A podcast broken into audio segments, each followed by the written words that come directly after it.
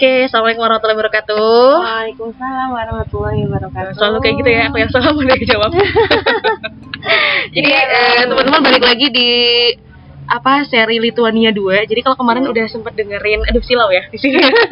kalau kemarin dengerin yang Saya tenggelam. Labas Lituania, apa artinya Iya. kemarin Faiz? Halo Litania. Halo Lituania. Kali ini Iya. kita masuk ke sesi 2, part 2 masih seputar uh, Halo Lituania juga. Tapi kali ini masih bersama Faiz ya. Tapi kali ini Iya. kita akan lebih uh, punya satu topik khusus yaitu tentang Islam di Lituania. Ya, ini Iya. pasti sesuatu hal yang kalau saya kalau misalkan kemarin aku searching ya Is ya. Kayak hmm, minoritas ya termasuk ya sebenarnya muslim di sana ya. sangat minoritas. Sangat minoritas. Orang Indonesianya ada 11 dan muslimnya ada berapa ya? Muslimnya berapa ya? Eh dua sekitar 2000 Oh, 2000. dibandingkan dengan jumlah penduduk, penduduk yang hampir 4 juta. Nah, Wow, oke baiklah. Ya, kita akan mulai di dari satu pertanyaan sederhana ya. Sebagai seorang muslim, apa pengalaman spiritualmu pertama kali tiba di Lituania ataupun perasaan-perasaan apa sih yang mungkin kamu tak pernah takut eh, nggak nemu makanan halal atau kamu nggak nemu masjid gimana? eh, kalau pengalaman spiritual pasti Mhm. tiba makanan halal yang yang termasuk makanan makanan halal juga karena di sana Mhm. sulit banget kan cari makanan halal Oke. Eh, apalagi kayak sensitif banget kalau kita beli even mau beli roti atau Mm-mm. Mentega gitu kan kita nggak tahu ya itu bahannya ada ada eh, apa namanya kandungan babinya atau enggak minyak babi atau Mm. alkoholnya atau sebagainya Co- bahkan coklat pun kita pernah tuh saya sama teman-teman tuh mau beli ternyata ada alkoholnya Coklat, coklat coklat batang, apa coklat minum? coklat batang Coklat coklat, batang. di supermarket Oke. yang kayak silverkin lah di sini Ah, gitu ah, di sana gitu jadi ya memang harus berhati-hati banget tuh kalau misalnya mau beli makanan di sana terus juga perihal masak juga di asrama tuh Mhm. Eh teman saya tuh ada yang dia tuh nggak mau pakai alat masak di asrama. Oh. Padahal di asrama tuh ada banyak kan tinggalan-tinggalan orang-orang kayak teflon, piring dan sebagainya gitu. Karena kita nggak tahu kan juga itu pakai minyak hmm, pakai minyak babi atau enggak Oh. gitu. Tapi sampai dia tuh beli teflon sendiri. Hmm, luar biasa sekali. Masya Allah emang dia tuh. Tapi kalau misalkan yang di rombongan anak-anak eh, dari Indonesia itu mereka muslim ya, kebanyakan. Muslim. Oke, berarti kalian kamu dan teman-teman ya ada persiapan khusus nggak ketika entah itu sebelum menuju Lituania atau di saat di sana juga kayak yang membekali dirimu soal tadi makanan ah, pengetahuan tentang makanan halal terus tempat-tempat ataupun apa budaya apa kayak gitu ada nggak sih yang mm, itu sebenarnya menjadi ketakutanmu ah, sebagai seorang muslim gitu di sana? Eh, kalau teman-teman saya mereka prepare banget mbak Mm-mm. sampai bawa makanan dari Indonesia. Nah, teman saya Malaysia tuh juga bawa makanan tuh dari eh, negaranya kan bawa makanan sendiri gitu. Kalau saya sama sekali nggak prepare karena saya nggak belum punya bayangan di sana nanti kayak gimana Kayak sih gimana makannya. ya? Terus Eh. saya juga nggak tahu kalau ternyata bisa masuk di asrama dan sebagainya gitu. Ah, I see. Ya udah terus akhirnya waktu saya udah belajar kan dari teman saya ternyata mereka kayak gitu ya udah terus di tengah-tengah tuh Mm-mm. eh, saya mak belanja beli sayur di sana. Ah, beli sayur ya ke pasar tradisional ya. Iya. Dan di sana selama kamu di sana eh, gimana kemudian kamu memaknai bahwa oh, ternyata eh, Islam di sini tuh seperti ini ya kayak gitu. Pernah nggak kamu mengalami momen itu? Eh, kalau satu yang paling saya rasain re- sisi religiusnya tuh adalah ketika eh, waktu sholat sih mbak sebenarnya eh, di samping makanan juga sebenarnya waktu sholat karena di sana waktu sholatnya kan beda banget ya Ah, ah, di, di mana tuh gimana di sana? jadi kalau dari subuh subuh Mhm. tuh karena samar jadi kan siangnya lebih panjang Oke. subuh tuh waktunya setengah tiga Setengah tiga. dan ya sekitar jam tiga ya setengah tiga jam tiga lah itu udah azan Aha. eh udah azan ya waktu sholat karena nggak ada azan ya tiga. Oh berarti kamu benar-benar yang oke waktu sholat kayak gitu ya? Iya, Azan. biasa tidak ada dan Karena sama masjid pun hanya masjid itu senegara, se-Lituania itu cuma ada empat. Satu Lituania cuma ada empat. Apa? Dan di kota saya di Vilnius itu cuma ada satu. Hmm. Gitu ya, itu dan jaraknya jauh banget sih dari. Jauh banget. Gitu. Terus Ah, Oke waktu sholat tadi subuh aja jam setengah tiga ya? tiga, zuhur setengah dua. Setengah Mm-mm. dua tuh pas banget sama waktu masuk sekolah siang. Oke Hmm. baiklah. Asar jam 5, Heeh. maghrib jam 10. Oh, Malam. maghrib jam 10. Berarti emang benar-benar panjang ya Panjang siangnya. banget. Nah, dia dikutuk ya. Hmm, karena dia di dekat kutub. Oke, baik. Terus Isya setengah eh Isya jam 12 malam. Isya jam 12 Jam 12 malam. Kamu harus bangun lagi untuk subuh jam Jam setengah tiga. Oke.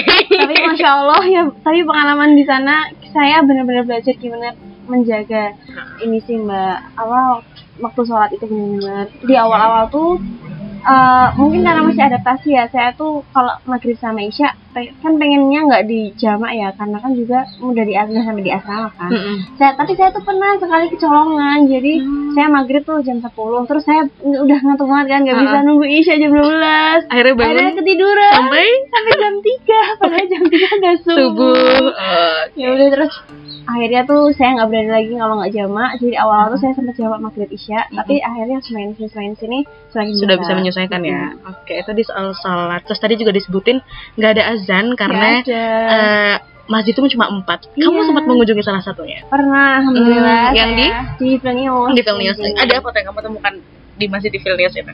itu sebenarnya lebih nggak nggak kurang cocok sih kalau disebut masjid. Karena bentuk bangunannya itu nggak masjid jadi itu Mhm. Islamic Center. Itu kan Ah, kayak ah. organisasi uh, perkumpulan muslim di sana. Dan mayoritas bukan mayoritas sih mungkin hampir semuanya tuh orang Turki. Bukan orang asli Lituania Oke. orang Turki yang atau mungkin mereka keturunan Turki kali ya Mhm, tapi tinggal di Lituania gitu. Dan uh, itu bukan di satu bangunan gitu enggak jadi mereka nyewa gedung Mm-mm. Eh, bukan nyewa sih mungkin beli eh, di salah satu gedung ya kan kalau kayak gedung-gedung di Jakarta tuh misalnya gedung lantai satu punya siapa lantai dua punya siapa gitu oh, iya, iya. nah ini sewa. di sebuah gedung di lantai dua jadi Oke. lantai satu tuh udah beda punya perusahaan lain Mm-mm. lantai dua tuh punya Islamic Center nah di salah satu ruangan di lantai itu dikasih soft Ha-ha. karpet buat sholat gitu terus ada kantornya juga ada perpustakaannya Oke. dapur. Mereka pusat kegiatan umat muslim di, Iya. di Lituania ya, di Vilnius khususnya. Mm, di Vilnius termasuk TPA anak-anak juga kalau di hari Ahad tuh mereka Oke. punya aktivitas untuk perempuan sama anak. Ah, Anak-anaknya juga berarti anak-anak eh, orang-orang Turki itu tadi ya. Tapi waktu kita ke sana ketemunya kebanyakan sama pengurus yang yang laki-laki sih. Nah, pengurusnya itu juga orang Turki. Orang tadi. Turki dan imamnya itu Mhm. di sana kan ada imam Mhm. namanya siapa ya Mustafa Kemal kebetulan Mhm. uh, Mustafa Kemal tuh dan dia orang Turki dan di sana imamnya itu berjabat eh, ada masa jabatannya mbak Oh. dan ini Ustadz Mustafa Kemal ini hampir Kayak takmir mau- masjid gitu kayak dia? takmir heeh, dan masa periodenya tuh lima tahun jadi kalau udah lima tahun nanti dia balik lagi ke Turki Oh gitu. Ganti lagi yang Selalu orang-orang Turki yang di Islamic Selalu. Center di situ. Heeh. Oke, berarti karena sebenarnya orang asli Lituania sendiri, hmm, mereka Minoritas. jarang banget yang muslim ya. jarang banget Oke. jarang banget yang muslim Baiklah. gitu Apa pengalaman paling berharga selama kamu menjalani uh, summer course kamu di Lituania dan kamu sebagai seorang muslim? Eh, kalau pengalaman yang paling spesial itu ketika saya udah mau balik ya, mau, Mau balik. balik ke Indonesia Oke. saya juga ya Allah kenapa saya baru mendapat pengalaman ini di akhir-akhir gitu jadi kan saya balik tuh jadwal tanggal 31 tiket tanggal 30 itu saya packing tuh terus eh, jadi saya kan ke Islamic Center dua kali mbak Aha. yang kedua itu dua kali kedua itu saya bertiga sama teman saya Mhm. eh, untuk ambil Al-Quran. Jadi saya kan sempet tuh di sana tuh pengen banget punya Al-Quran terjemahan Lituania, Lituania. heeh. Tapi ternyata belum ada. Mhm. Emang kata orang-orang Islamic Center itu lagi proses apa penerjemahan. Oh, pas penerjemahan ya Mm-mm. bahkan ya? Iya, sa- saya kan nyari-nyari ya di toko buku tuh. Nggak ada, adanya cuma terjemahan doang tapi nggak ada Arabnya tuh loh. Wow, Jadi cuma ada. Aja. Oh, Latinnya bagaimana Latinnya berarti? aja, maksudnya ya Latin Lituanianya, Ah, tapi nggak ada Arabnya gitu kan. Terus saya tuh nanya akhirnya ke pengurus Islamic Center, eh malah ditawarin tuh Uh-uh. buat Al-Quran, buat apa ambil Al-Quran dari sana. Jadi akhirnya eh, suatu waktu saya bertiga tuh ke sana. Heeh. Kita tiga-tiganya dapat masing-masing satu Al-Quran. Gitu. Terus eh kemarin waktu mau balik tuh teman saya nitip tuh Al-Quran ke saya, maksud karena koper dia udah nggak cukup gitu kan. Terus ternyata koper saya juga udah nggak cukup waktu saya packing tanggal 30 kan nama saya udah balik duluan tanggal. 29 terus ah, saya nggak bisa kan masukin tuh Al-Quran ke koper saya saya nggak tega lah nih Al-Quran di asrama nanti pasti nggak keurus kan Kamu ambil satu doang, Is? saya ambil satu Ya Allah, Faiz, jauh- itu jaraknya berapa dari dari dari Islamic Center ke asrama kamu jaraknya berapa? berapa berapa ya? Mungkin sekitar 8 10 kilo aja sih. Naik Naik bis. bis. Kita ke mana-mana lagi. Iya, karena sudah membeli kartu itu kayak kemarin itu ya. Terus? Terus saya nggak tega nih Al-Quran. Terus akhirnya saya mikir-mikir deh oh di deket asrama ada penjual kebab. Mhm. saya tuh emang udah sering ngelihat Orang Turki juga ya? orang Turki juga. Dia tuh dekat halte yang mana halte itu saya pakai kalau mau buat nunggu bis kalau mau berangkat kuliah. Mhm. Tuh tapi saya baru datang ke kebab itu di akhir di akhir akhir ah, di akhir hari saya di sana itu. Akhir buat- banget. akhir banget Akhir tanggal 30 itu buat Eh. ngantar Al-Quran. Eh, apa namanya saya ya saya juga nggak tahu sih beliau muslim apa enggak tapi ternyata beliau ramah banget waktu saya datang ke sana. Mm. dia cerita kamu jangan takut di sini ada label halalnya kok bisa kasih hal dan sebagainya terus beliau beliau cerita cerita saya tuh dulu muslim eh, Dulu? saya- eh enggak saya alhamdulillah saya ini seorang muslim Oh, salah salah iya. saya tuh eh asalnya dari Turki gitu Hmm. pokoknya kita ngobrol-ngobrol itu ternyata dia muslim dari Turki dan dulu dan dia cerita ini yang paling bikin saya terharu dulu tuh saya ini apa namanya melaksanakan sholat Mhm. saya juga tilawah tapi sekarang udah enggak lagi karena su- sangat sulit untuk melaksanakannya di sini gitu kata dia Hmm, kesulitan itu karena apa sih dia cerita? lingkungan karena Karena kondisi lingkungan, kali ya mbak ya mungkin karena kayak nggak ada adzan juga kan sulit kan gimana mau sholat nih kayak gitu Mhm. terus juga lingkungan lingkungan yang nggak mendukung kalau saya rasain Lingkungan. Kamu juga merasa sebagai saya seorang rasain di. RK Story kamu aku lihat ada yang bagian kamu sempat merasa awalnya itu cukup sulit untuk bisa tetap menjaga zikir dan kelas segala macam. iya bener banget karena kayak Kenapa? Iya saya di sana kan sholat di mana mana ya mbak pas misalnya kita lagi pergi ke mall kita Mhm. lagi di taman gitu saya jematin sholat bentar di sana di mall di Mhm. taman gitu terus ya kan kayak nggak enak ya mbak kayak misalnya lama misalnya kita mau berdoa terus hmm, ya sebenarnya bisa zikir zikir tetap tapi kayak nggak habis sholat gitu mbak. Hmm, BBS.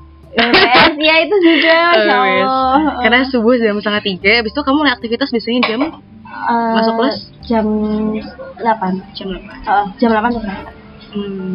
terus ya lanjut ya tadi yang Mhm, kata penjual kebab tuh terus dia ya udah saya tawarin Al-Quran gimana kalau kamu saya kasih ini kayak gitu kan dia seneng banget Hmm. saya tuh takjub Dia bapak-bapak ya? bapak-bapak Aha. Saya tuh takjub sama dia karena apa ya saya melihat masih melihat keimanan dia tuh sangat kuat meskipun dia udah nggak ibadah ya karena dari cara dia melakukan memperlakukan Al-Quran itu Hmm. Iya, jadi uh, dia tuh waktu nerima ya Allah kayak uh, I'm so happy to uh, have this from you kayak gitu. Uh, terus dia bingung gimana ya saya harus naruh Al-Quran ini, saya harus meletakkannya secara hati-hati kayak gitu. Di, di kedai dia yang kayak gitu, tapi dia tuh masih mau sangat memuliakan Al-Quran. Nah, gitu. dia pakai boot atau eh, ruko? pakai ruko. Oh, pakai ruko. Dia tinggal sendiri? Iya di situ sendiri. Sih, oh keluarganya nggak di Oh, sini. uh, itu kayak cuma tempat jualan sih. Oh, jualan. Berarti dia sebelumnya mm, nggak termasuk orang yang sering ke Islamic Center di Litania juga? Enggak, Serius? enggak. Saya nggak tahu sih mbak, dulu dia tuh tahu Islamic Center ada Islamic Center atau enggak, dan saya nggak tahu maksudnya kita hidup dia bisa sampai ke Lithuania tuh gimana. Gitu. Di akhir tuh akhirnya waktu saya pamitan tuh saya ngucapin salam kan, dan dia tuh nggak jawab. Saya nggak tahu dia tuh udah lupa atau nggak tahu atau gimana gitu. Oke, kayak sedih banget lah. Itu hari terakhir kamu di Lithuania sebelum kamu balik. Sebelum saya balik banget. Terus dia sampai menitipkan uang kurban ke saya. Uang kurban? Hmm, Saking senengnya. Dia mau berkurban di I- Indonesia atau Iya, gimana? karena dia bilang kamu bisa nggak nitipin uang saya mau ngasih kamu uang dan tolong kamu sedekahkan ke orang miskin ya Hmm. atau enggak buat kurban yang sebentar lagi kita mau perayaan kurban kan Hmm. gitu karena saya sangat sulit untuk eh, mena- kayak menginfakannya di sini gitu yang kayak nggak mungkin itu di sini saya nggak bisa mengalokasikan akhirnya dia ngasih nitip ke saya Oke, baiklah. Oh, itu sangat ini ya. saya pulang-pulang nangis Pak siapa namanya? Bapak siapa? saya nggak sempat kenalan Kita tahu namanya Pak Is ya? Oke. Baiklah. Um, first question. oke Jawab dengan cepat. Faiz, ingin kembali atau tidak? Ingin Oke. Untuk apa? Ini kembali alasan saya kembali sebenarnya karena bapak yang saya temui itu penjual kebab itu sih. Penjual kebab itu ya. Dan saya pengen ketemu lagi sama beliau. Oke. Insya Allah. Oke, next flash question. Hmm, pertanyaan eh pertanyaan. Pengalaman terkonyol dan ter kamu tidak ingin mengulangnya lagi ketika kamu di sana adalah Oh iya, terkaya adalah ketika kebablasan halte. Oke. Jadi misal, jadi gini mbak. Misalnya ada halte satu dua tiga. Kita tuh cuma tahu halte balik ke asrama, kita turun di halte satu. Padahal bisa di halte tiga. Nah, pas awal-awal banget tuh kita sampai di uh, kita hari pertama kita pulang ke asrama dari kampus, Hmm? kita kebablasan dari halte satu malah sampai halte dua gitu.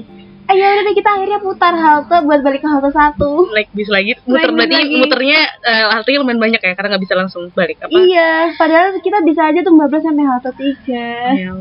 Kamu nggak tahu ternyata bisa turun di halte tiga ya. iya itu pengalaman terkonyol banget sih menurut saya Tapi untungnya bayarnya tetap standar lah ya. sama enggak Oke. Baik. Ya. Tadi terkonyol dan ter tidak ingin diulang lagi ya. Kalau yang bagian yang paling ingin kamu ulangi lagi itu part apa? Yang diulangi apa Mhm. ya Ataupun paling Oh. berkesan deh boleh. ini eh malam bermalam di bukan bermalam kita keluar malam di Vilnius Old Town karena menurut saya karena menurut saya summer itu malam sangat langka kan mbak kita tuh pengen Hmm. banget jalan-jalan malam di sana gitu-gitu tapi Karena malamnya cuma pendek Mm-mm, doang ya. cuma pendek dan kita kayak lama tuh loh buat nunggu malam iya nggak sih Iya. kayak udah capek lah jam 10 kan waktunya tidur ya Eh, gitu-gitu kita Ada tidur siang nggak tapi di sana? nggak ada nggak ada Saking, saking panjangnya siangnya harusnya dia ada tidur siang harusnya tuh. sih Tapi enggak ya? cuman karena jam sekolah kan Mbak, Ya Allah, Is, sabar ya, Is.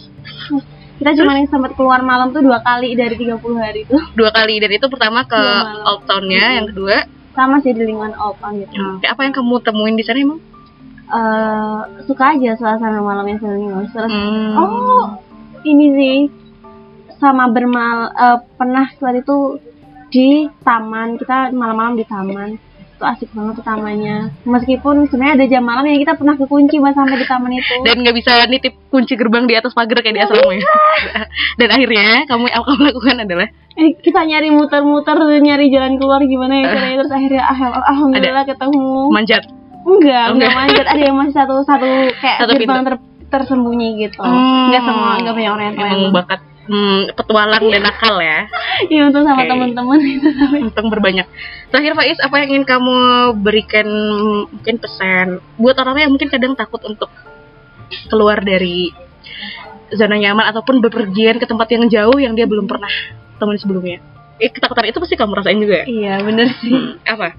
kalau saya sendiri percaya aja di mana pun kita berada kan pasti sama Allah pasti ditemenin sama Allah Hmm. jadi kalau ada apa-apa kita nggak bisa ngomong langsung ke orang ke teman kita mungkin gitu ya udah kamu berdoa aja pasti Allah dengar pasti Allah nemenin gitu Gitu.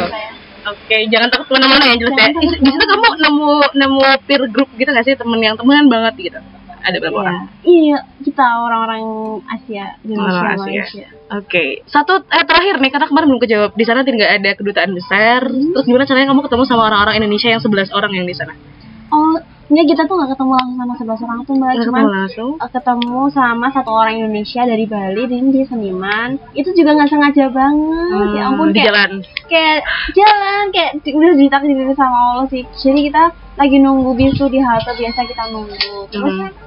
eh dia tuh ternyata di seberang jalan yang telah kita nunggu tuh Dia lagi jalan gitu kan terus ya mungkin mereka dia tahu ya kalau kita tuh orang-orang Indonesia kan kelihatan bedanya Kamu mungkin lebih terlihat Faiz. soalnya saya lagi bareng-bareng sama teman-teman yang Oh lain iya. gitu. terus dia sampai nyebrang demi ketemu sama kita udah ya, akhirnya dari situ kita minta nomor WhatsApp dan Mhm. sebagainya sebenarnya kita sempat diundang juga buat kumpul-kumpul orang Indonesia yang lain tuh tapi itu pas di hari akhir-akhir udah kita udah nggak bisa Udah lagi ya. packing Oke, baiklah. Apa satu kata untuk Lituania? Eh, satu kata untuk Lituania is atsipasal Apa lagi lagi is kayak kedengeran is? Eh, apa ya sebenarnya bukan satu kata sih itu tapi saya suka bahasa Lituania Oh, suka bahasa- Ah? Apa? saya suka pengucapannya itu kayak terima kasih terima kasih permisi gitu Oh, kayak ngerasa sopan, aja Sopan. kalau ngomong ke orang kayak gitu ya, mantap ya. Oke, baik. Cek- Ucapin sekali lagi. Atsipasal Nggak bisa. acu acu Acu kalau acu disingkat itu thank you Oh, Acu tuh thank you. Oke, baiklah. Faiz setelah ini silahkan buka kelas bahasa Lituania ya. Menerjemahkan Al-Quran Lituania. ya Allah Di kamu bawa pulang berarti? Iya, tapi saya dapat dan karena belum ada terjemahan Lituania, saya dapetnya yang terjemahan Rusia. Terjemah Rusia. Hmm. Oke, besok diajarin Dedek Masya ya. Diajak ini masuk ke dalam Islam. Oke, terima kasih udah gitu ya Faiz. Eh, sudah Sama-sama. 19 menit semoga nanti bisa langsung. Oke, dan terima kasih teman-teman nanti ditunggu rilis berikutnya tentang Islam di Lituania. Part kedua berarti bersama dengan Hafiz Nurul Faiza. Terima kasih. Assalamualaikum warahmatullahi wabarakatuh. Waalaikumsalam warahmatullahi wabarakatuh. Terima kasih Mualimat.